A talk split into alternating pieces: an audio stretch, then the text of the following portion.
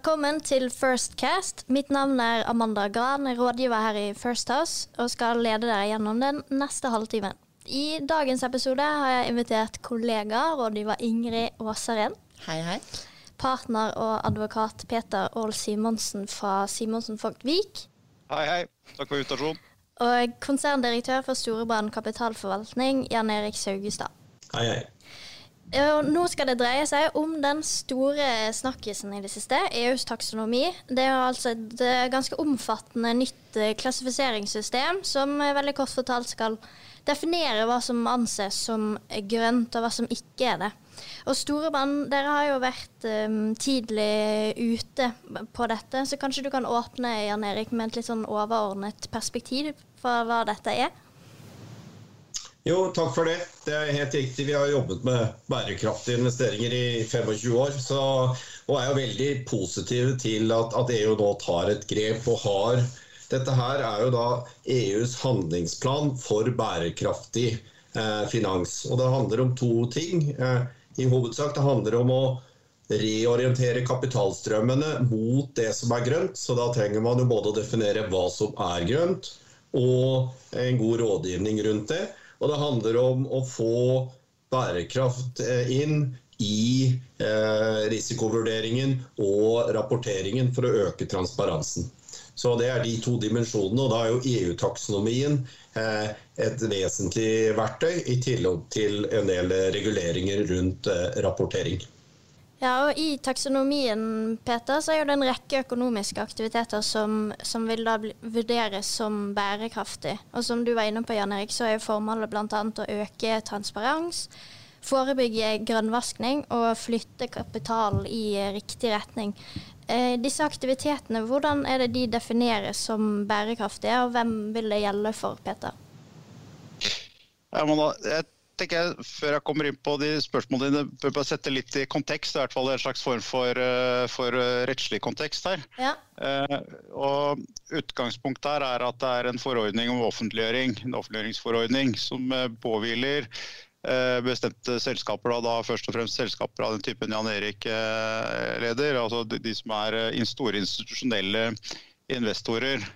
Uh, og de, uh, I tillegg til det så er det også selskaper med mer enn 500 ansatte og av allmenninteresser som, som, som, må rapportere etter det såkalt Non-Financial Reporting Directive.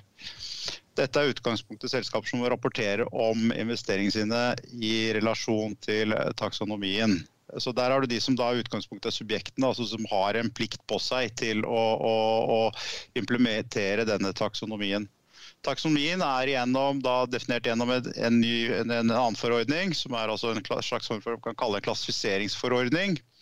Og Den uh, går nærmere inn i hva det går ut på. Uh, og uh, Det interessante her er jo at selv om du ser at eh, okay, det, er, eh, det, er, selskaper som er store institusjonelle investorer og de store selskapene som utgangspunktet må rapportere, altså som da må gjøre en analyse av hva de ulike aktivitetene deres gjør, eller hva de har investert i selv, så innebærer jo det at hvis man ønsker å bli investert i av sånne store institusjonelle investorer, så må du i realiteten gjennomføre en analyse av deg selv, selv om du ikke klassifiserte dette her. Eller så blir du etter hvert valgt bort av de store institusjonelle investorene, og ikke således blir ekskludert fra det egenkapitalmarkedet. Det, det blir mindre likviditet i aksjen over tid, og det kan også gjøre vanskelig for tilgang på ny egenkapital, altså emisjoner. Dertil kommer også at bankene vil jo gjennomgående som følge størrelse også være omfattet av disse offentliggjøringskravene og således den taksonomien. Og Det innebærer også at bankene må se på hvem de låner ut til. Så De som låner, låner penger, altså store selskaper og små selskaper, eller store selskaper med få ansatte, men med store, store investeringer, må også se på virksomheten sin og i praksis rapportere etter taksonomien. Ellers så blir de lettere valgt bort av långiverne. Og i veien her sånn, så forestiller man seg også, og det er snakk om at eh, det vil komme ulike kapitaldekningskrav til banker avhengig av hvor de har, eh, har lånt ut penger. Så du ser at dette her er jo et system som da i dette benet her kommer til å komme helt ut i, ut i, i næringslivet i ulike relasjoner. Så det er noe vi alle forholder oss til. Selve klassifiseringen baserer seg på seks miljømål. og de er eh, for hvorvidt en aktivitet kan da eh, kalles bærekraftig. Og det er da én begrensning av klimaendringer, to klimatilpasning, tre bærekraftig bruk og beskyttelse av vann- og havressurser, fire omstilling til sirkulær økonomi, fem forebyggelse og bekjempelse av forurensning, seks biologisk mangfoldbeskyttelse og gjenoppretting. Det var for så vidt mange punkter, men tanken er at eh, når du rapporterer etter, dette, denne, denne, denne taksonomien, så må du din aktivitet minus støtte godt opp under én av disse bærekraftmålene. Det er det første vilkåret i denne vurderingen. Det neste, neste vilkåret er også at du skal heller ikke være til vesentlig skade for noen av de andre. Det hjelper ikke at du oppfyller ett av dem hvis du er til skade på de andre. Eh, og her eh, er det en ganske så teknisk screening-test du skal gjennom, og som er å si, det som eh, nå har blitt utarbeidet eh, ekspertrapporter på. på for så vidt gjelder punkt 1 begrensning klimaendringer og to klimatilpasning. Og eh, Man må rett og slett da gå inn og se man, om man oppfyller, hvilken grad man oppfyller de kravene som følger av disse her ganske så tekniske rapportene. Så er det et siste krav igjen, nemlig at uh, det må heller ikke ha en, en, en, en uh, en lock-in-effekt. Altså at Man skal også forhindre at uh, man, eh, det hjelper ikke f.eks. at du kommer opp med en, med en stor oppfinnelse av en motor som bruker betraktelig mindre diesel enn andre motorer. som og, og, og, sier at det er bistand til, til, til, til, bærekraft, når man så vil si at de som har investert i disse motorene, vil ikke skifte ut disse på ti år, for investeringen er så høy. Og det gir en lock-in-effekt, altså at du da forblir ved fossilt, uh, fossilt drivstoff. Det var en uh, kort, relativt kort svar på hva dette går ut på. Takk, takk. Som du var inne på, så er jo klassifiseringene som du, som du dekket nå, disse seks miljømålene, en, en, en, del av taksonomien. Og det dekker jo altså det som går på klima og miljø. Og så i tillegg så er det noen minstekrav til sosiale standarder man må, man må oppfylle. Eh, og I Storebrand så har jeg allerede jobbet med en del sånn klassifisering av bærekraft over lengre tid, som du var inne på innledningsvis. Er, er dette noe dere vil holde fast på videre fremover, og er det noe du ser i taksonomiregelverket eh, som du føler eventuelt mangler for å dekke hele definasjonen av bærekraft? da?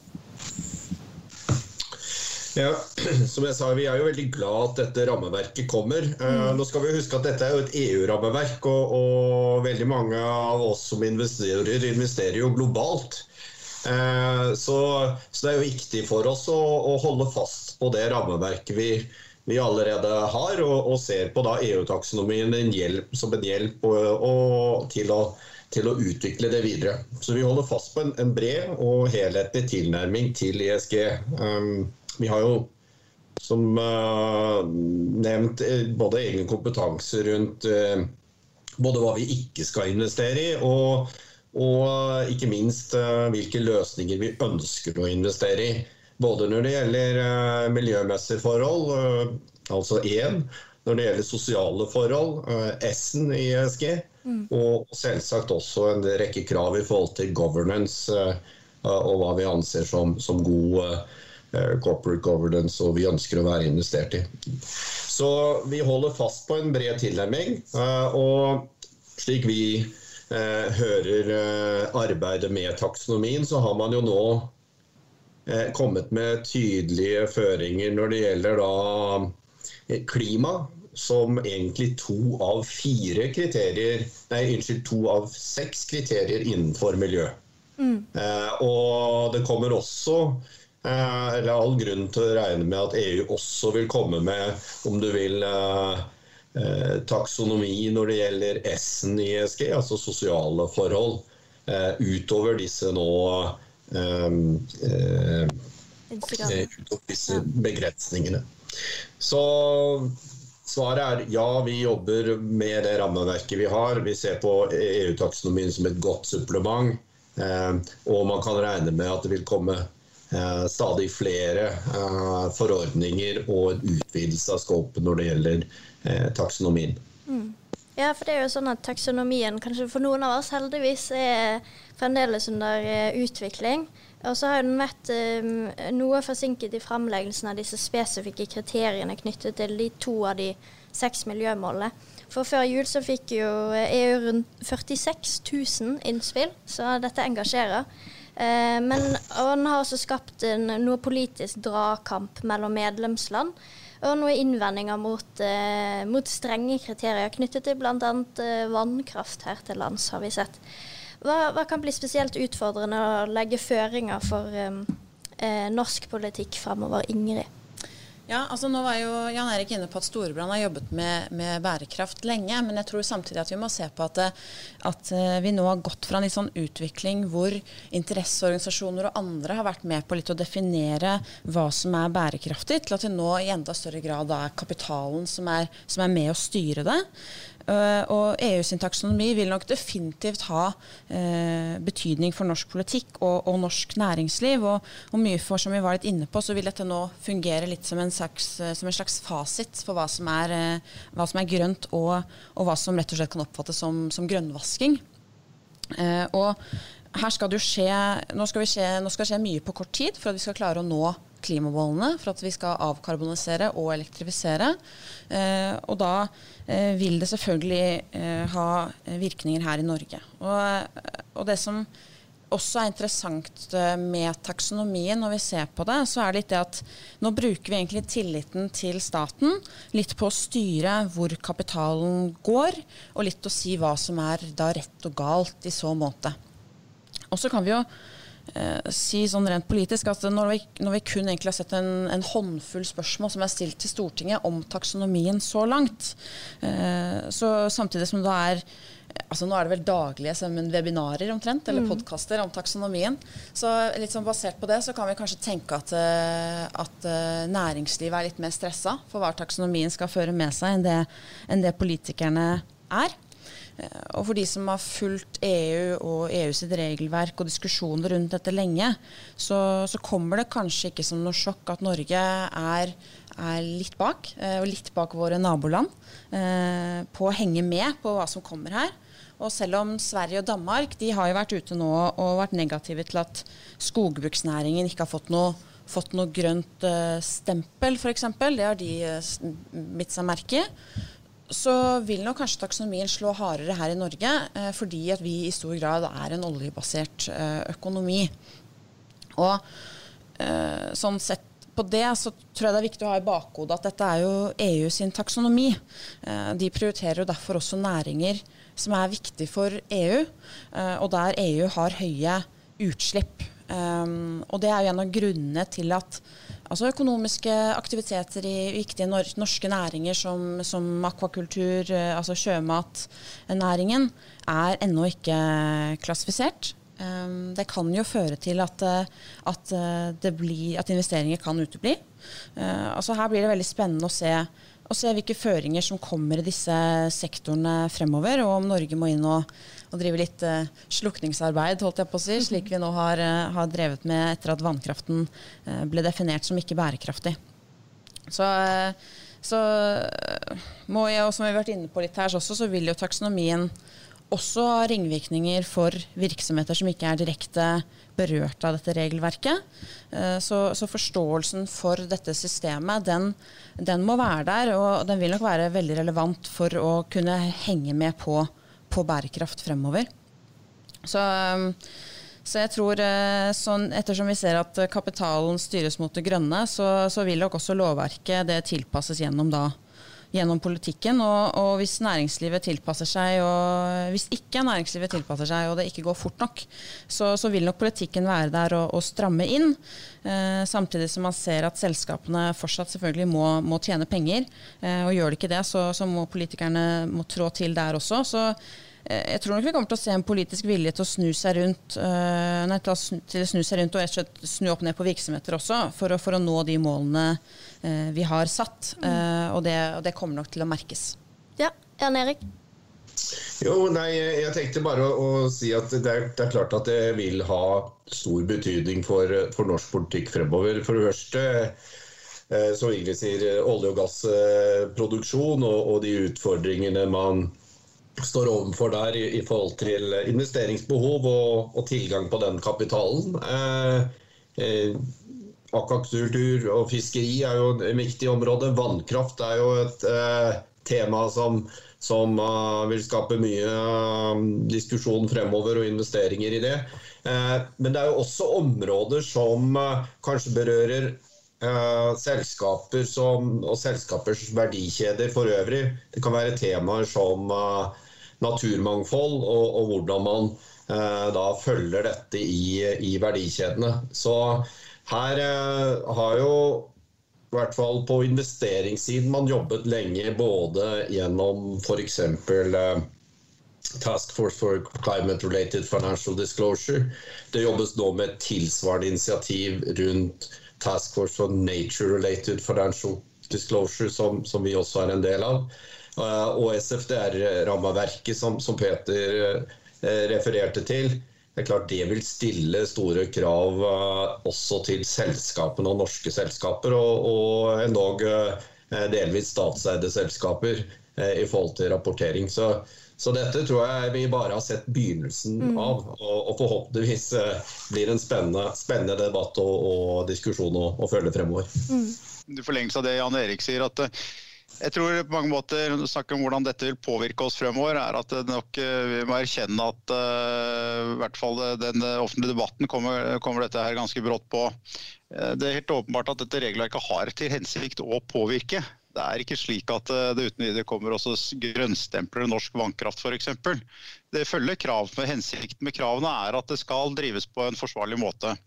Og eh, Indignasjonen over at dette også kan medføre at vannkraft kanskje ikke er helt i, i tråd med kravene til EU, det, disse kravene, det er naturlig. Dette er veldig veldig tekniske disse rapportene som ligger til grunn. og De går mm. dypt ned i materien og de setter krav. Og Da eh, snakker vi som Jan Erik da nevner, eh, naturmangfoldet, biodiversity, er for da bare som eksempel igjen da, innenfor vannkraft et eh, relevant ting. Det er uh, ulike konsesjonskrav tilknyttet drift av vannkraftanlegg som man kan tenke seg at ikke er i overensstemmelse at, uh, med disse reglene. og Det innebærer at man må gjøre endringer. Så det Kravet innebærer jo rett og slett at man må sette seg ned, sette seg inn i dette og se på virksomheten sin opp mot det.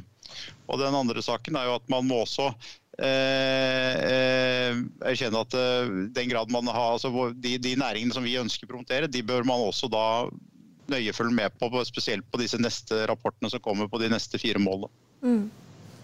Ja, eh, Nå har vi snakket litt om hva taksonomien er, og de ulike kriteriene. Tenker vi kan gå videre til å snakke litt om hva betydning og konsekvenser det har for, for norsk næringsliv og virksomheter, helt, helt konkret. Sikkert mange som lurer på det. Så hvordan kan en virksomhet uh, vurdere kriteriene og egen aktivitet for å, for å score best mulig opp mot uh, dette regelverket? Og hva kan eventuelt gjøre det vanskelig for um, Eh, å gjennomføre slike vurderinger? Ser dere noen utfordringer der? Jeg kan jo eh, bare ta en, en, eh, tak i en, dimensjon som vi for så vidt har touchet på tidligere innledningsvis. At, at uh, det kommer jo nå en rekke krav til uh, kapitaleiere uh, og selskaper. Og jeg kan vel si som, som, som investorer så har vi allerede nå 10.3 eh, eh, da kategorisert våre investeringsløsninger og kommittert oss til et sett av, eh, av, nøkkeltall vi skal rapportere på. Og som Peter var inne på innledningsvis, for at vi skal rapportere på de, og så må vi jo greie å få den informasjonen ut av selskapene og de vurderingene ut av selskapene. Så Det er i hvert fall en, en helt åpenbar og veldig konkret ting som vil nå eh, skje, er at de selskapene som lykkes i å tilgjengeliggjøre den, disse vurderingene og rapportere rundt dette, eh, vil selvsagt være eh, mer attraktive enn de selskapene som ikke lykkes med dette. Eh, og Så blir det jo også spennende å følge eh, eh, hvordan man hvordan de enkelte hva skal vi kalle det, si, næringene eh, klarer å posisjonere seg i forhold til taksonomien og fremstå som Eh, det det skal investeres eh, i, og både, ikke bare fremstå, men være det det skal investeres i. Og viser en proaktivitet i forhold til å, å tilpasse seg de, de, kravene som stilles. Enten det er vannkraft eller det er på andre områder. Peter, har du noe du vil tilføre? eller? Ja, nei, jeg tror det er helt riktig det Jan Erik sier. Jeg tror vi kan fortsette av det også si at uh, dette stiller jo krav til selskapet. Det er selskapene selv som vet best hvordan de driver, og det er selskapene selv som må dokumentere hvordan de driver.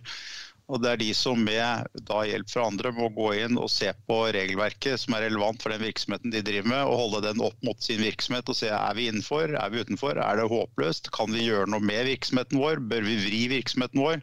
Disse tingene må de gå gjennom. Alt dette for å håpe å si, posisjonere seg i forhold til kapitalmarkedene, slik at de får tilgang til eh, billigst mulig egenkapital og fremmedkapital.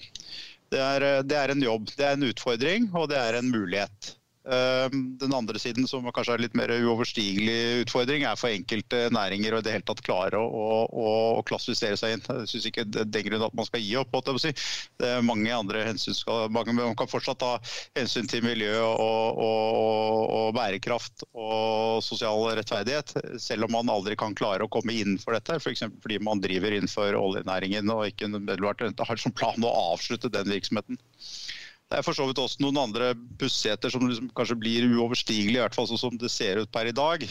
Det er altså at uh, Hvis du investerer i et offshore vindkraftanlegg til erstatning av, eh, av, eh, av, av elektrisitet fremskaffet ved gassturbiner på offshoreinstallasjoner i Nordsjøen, så vil de aldri klassifisere innenfor dette systemet. Men det ja, jeg tenkte egentlig bare å, å føye til på, på det, vi, det, vi, ser. og det, det kan jo jeg håper å si nesten være et, et case på, på hvordan eh, taksonomien eh, nå har en reell effekt. Eh, når det gjelder denne kategoriseringen som vi er inne på, så, så, betyr det at vi kategoriserer våre investeringsløsninger enten i det man kan kalle seks eller syv, som, som hvor vi da hensyntar bærekraft. Men det er først i kategori åtte og ni hvor man enten da klart promoterer Eh, løsninger, eller kun har som en, en målsetning å investere i løsninger. Så, så og jeg nevner de, og det, det, vi ser nå, er jo at uh, det er jo signaler, i hvert fall blant uh, investorene at, og forvalterne, at, at over to tredjedeler av alle nye løsninger og kapital fremover vil komme i det vi kaller kategori 8 og 9. Så det har jo eh, en, en direkte effekt. Det kan jo være et, et, et case på hvor hvor, hvor, eh, stor effekt taksonomien eh, synes å ha allerede eh, inneværende år og de nærmeste årene. Mm. Ja, Det blir da tydelig at kanskje det blir en del dilemmaer som mange norske bedrifter eh, vil, vil, stå overfor, sett i lys av eh, av regelverket. Um, Ingrid, hva, hva, bør norske virksomheter legge til grunn i, i kommunikasjonen rundt dette, og de risikovurderingene man gjør um, rundt uh, arbeidet med bærekraft? Jeg tror at uh, dette uh, følger med nye regler for bærekraftsinvesteringer. Uh, og det gir også nye regler for bærekraftskommunikasjon. og det tror jeg vi bare ser litt på, på gjestene vi har i, i studio i dag. Så, så, holder det ikke at dette er noe som markeds- og kommunikasjonsavdelingen kun er de bedriftene som fokuserer på bærekraft. Her må det være en mye, mye større helhetlig tilnærming til dette arbeidet. Og, og man må forstå det som er forretningskritisk for virksomheten. man må forstå det politiske hva som er rett og galt, hvilke føringer som kommer fra, fra myndighetene. Eh, og man må også være klar over å se hva, hva finansmarkedene eh, er ute og, og, ser etter. Og vi må også her også forstå at, eh, at dette her har i bakhodet at det må være lønnsomt. Da. Og, og, det kan kanskje være litt sånn eh, i bane, bane i kirka å si det, men, men, jeg har jobbet i en interesseorganisasjon selv, ja, så, jeg, så jeg, jeg, tar den. Og, og truffet mange bedrifter som, som kanskje har sett mer på eller bedrifter eller eh, organisasjoner også sett med på dette moralske perspektivet, at det er derfor vi skal, skal jobbe med, med bærekraft. Men, men, nå er kapitalen der, den, den, bryter vei og er en slags litt sånn, kan vi kalle det en litt grønn helt. Så, eh, og det vet jeg at eh, veldig mange er ute og heier på, bl.a. min gamle arbeidsgiver Zero, som, som alltid har sagt at kapital skal være ute og være råvaren i det, i det grønne skiftet. Da. Så, så det, det, legger noen føringer, og helhet er avgjørende for at du skal unngå grønnvaskingen. Uh, og som vi var inne på også, at uh, her må du treffe alle bokstavene i, i uh, altså E-en og S-en og G-en for, for, å få dette um, til å funke på en god måte. Taksonomien den er jo en um, EU-forordning, Peter, og vil være bindende for alle medlemsland i EU fra det tidspunktet den, den blir vedtatt. Altså Selve rammeverket og lovteksten ble jo da vedtatt i, i 2020, altså i fjor. Men hvordan for norske virksomheter ser tidslinjen ut nå, og hva er de viktigste datoene eller milepælene som norske virksomheter må ta inn over seg? Ja, her er det to måter å se det på. Den ene måten er som Storbrann gjør, at dette regelverket kommer på EU-nivå. Dette må vi bare forholde oss til. Så vi implementerer med dette, og det har for så vidt jobbet i lang tid med det. Det andre er det, å si, det rent eh, tørre rettslige, norskrettslige aspektet. altså Gjelder det for meg som norsk selskap? Og til det skal jeg si at uh, Det er da to forordninger vi taler om her. Uh, og Vi er jo ikke medlemmer av EU, så en forordning blir jo ikke uten videre lov i Norge. Da må det noen vedtak til. Hva starte på EU-nivå, så er det slik at offentliggjøringsforordningen som sådan den er vedtatt og trådte i kraft 10.3, som nevnt her i sted den er eh, per i dag ikke implementert i Norge. Når det gjelder eh, taksonomien, så er det da det klassifiseringsforordningen. Eh, den er vedtatt i EU, men den trer ikke i kraft før 1.1.2022. Eh, men da er det da også bare slik at det er de to første bærekraftmålene som da eh, er de som først trer i kraft. De resterende fire som det jobbes med å gi innhold til, og som da å si, havbruk og annet kan komme inn under, forhåpentligvis, de eh, er tenkt gjeldende fra 1.1.2023. Dette er på EU-nivå. Eh, og som sagt, altså, Dette vil allerede ha stor betydning for mange selskaper som eh, har, eh, har sin virksomhet som ikke akkurat er bundet av landegrenser. De investerer på kryss og tvers. Det er selskaper som har virksomheter i ulike land. Så de allerede må ta dette inn over seg. Når det gjelder Norge, så er det slik at det har vært sendt ut et forslag til lov på høring. Den kan tenkes å bli vedtatt nå, nå før sommeren, eller kanskje til høsten. Eh, ettersom dette er forordninger, så er det slik at systemet er at når man øh, vedtar en forordning inn i norsk lovverk, så må den være si sånn, ordrett. Man kan ikke da lage andre Skrive den om og tilpasse norske forhold eller med justeringer. Du må følge den fullt og helt. I utgangspunktet så pleier normalt Norge å vente med å ta igjen slike forordninger inntil det har vært gjennom EØS-komiteen og konkludert som EØS-relevant. Men i dette tilfellet ser det vel ut som at man ikke venter på Liechtenstein og Luxembourg og Island. At man heller nå tenker å vedta denne loven tidligere. Når da konkret ikrafttredelse kommer for norske selskaper, vil jo da følge av den loven når den blir vedtatt. Men i alt i alt så tror jeg man kan si at eh, i praksis kan man følge det som gjelder for EU-selskaper. Eh, for i hvert fall de store, og for eh, og mellomstore. Og så til slutt så vil dette her eh, i praksis rulle ut over hele landet. Da tenker jeg vi begynner å gå inn for landing, men jeg tenkte å høre med dere om dere tror taksonomien blir, blir det en gullstandard for hva som er bærekraftig, eller blir det kun nok en rapporteringsøvelse? og hvis dere også kan gi noen tips eller grep til, som norske virksomheter bør ta nå og i tiden framover. Jan Erik, vil du begynne? Ja, jeg kan gjerne begynne. Jeg skulle til å uh, gjøre det. Uh, jeg tror det er så farlig på dette feltet å, si liksom uh, nå har vi etablert en gullstandard. Altså, all vår erfaring etter å ha jobbet med dette såpass lenge, er at dette utvikler seg stadig, eh, både i forhold til hvilke teknologier som er tilgjengelige og hvilke utfordringer vi står overfor. Eh, som jeg snakket om tidligere, det har vært mye prat og, og snakk om eh, klima, og, og, det er klart det er naturlig, det er et presserende problem. Men vi ser jo nå også at naturrelaterte problemer seiler opp som en veldig Altså tap av biodiversitet seiler opp som et viktig tema. Så eh, jeg syns det er et viktig bidrag til å heve kvaliteten, til at flere må forholde seg til det.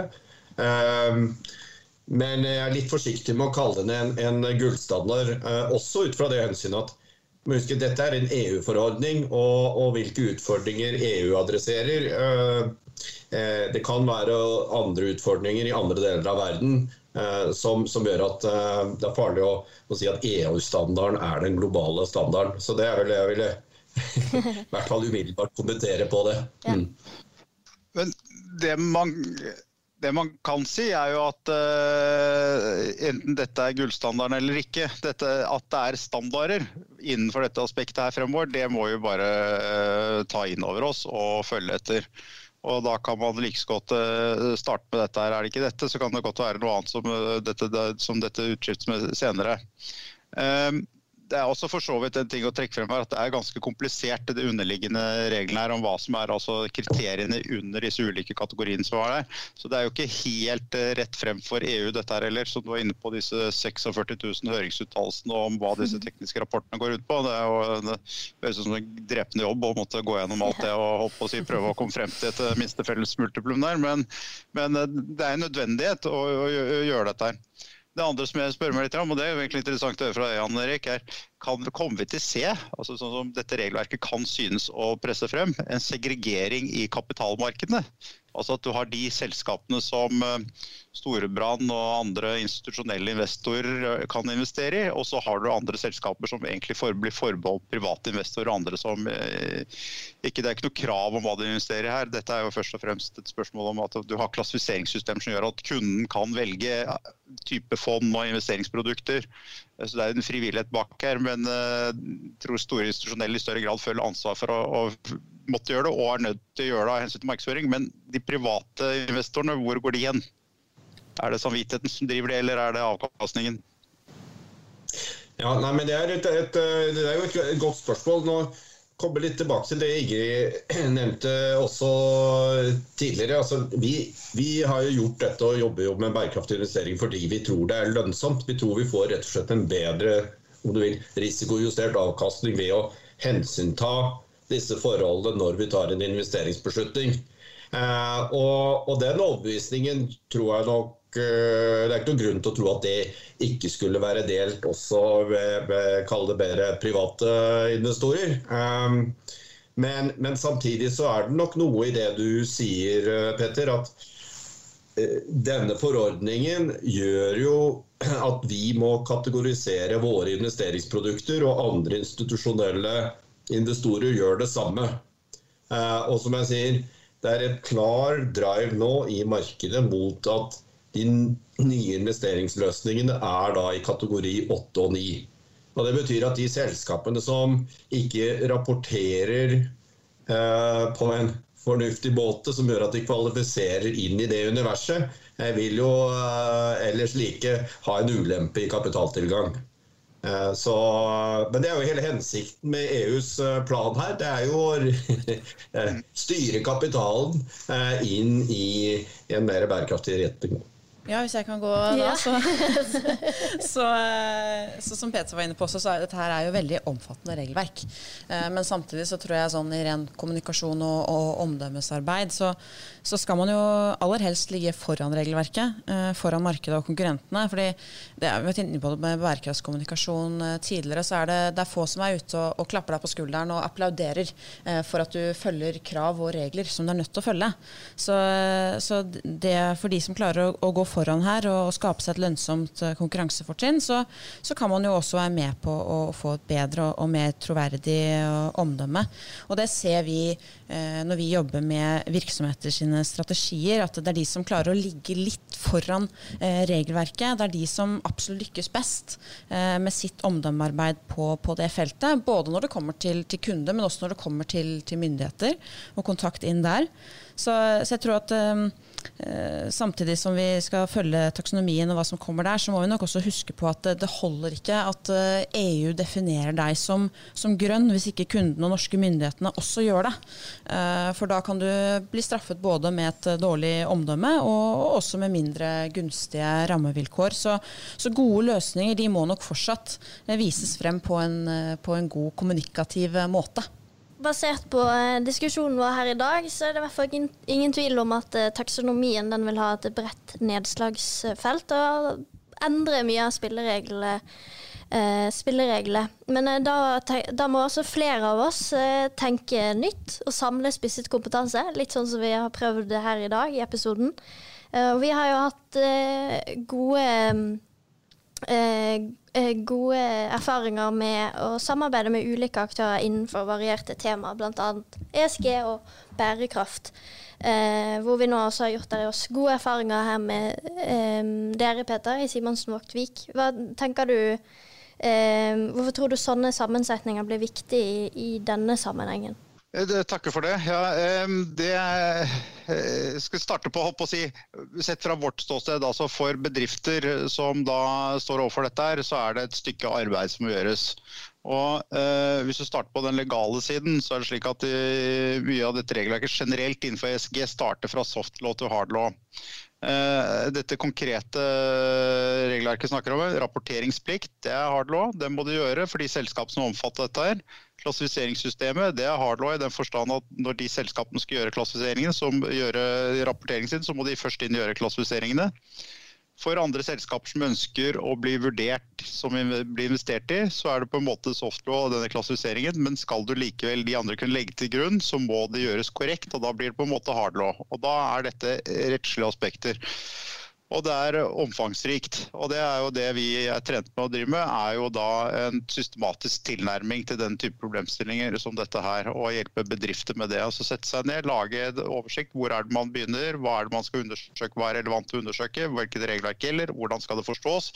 Og gjøre den analysen. Ehm, og eh, i den analysen så kommer forslag til endringer der det er, er naturlig. Men som eh, Ingrid er inne på, dette er jo i veldig stor grad et kommunikasjonsspørsmål. Altså Det starter jo med si, eh, den ene, ene, ut til rapportering utad, til slutt som Jan Erik gjør overfor potensielle investorer, altså i markedet. Det er eh, kommunikasjon, det er også der hvor kapitalen kommer fra, egenkapital. Så har du da kommunikasjon med, med, med, ansatte. Du skal ha ansatte med på dette. Det gjelder å finne nye løsninger og akseptere at man gjør ting på andre måter. Og så har du ikke minst kommunikasjon til markedet og opinionen generelt. Og Der er det jo det som dere kan eh, hos First House. Så dette er et tverrfaglig eh, spørsmål og tverrfaglig samarbeid som bringer man eh, lengre enn at man segregerer opp oppgavene og ikke samhandler. Så det synes ganske åpenbart at det her er et godt tegn for å mm. best gjøres i en, i en samordnet operasjon. Og der tror jeg vi setter strek for i dag. Tusen takk for praten, Jan Erik, Peter og Ingrid, og til dere som lyttet til oss i dag.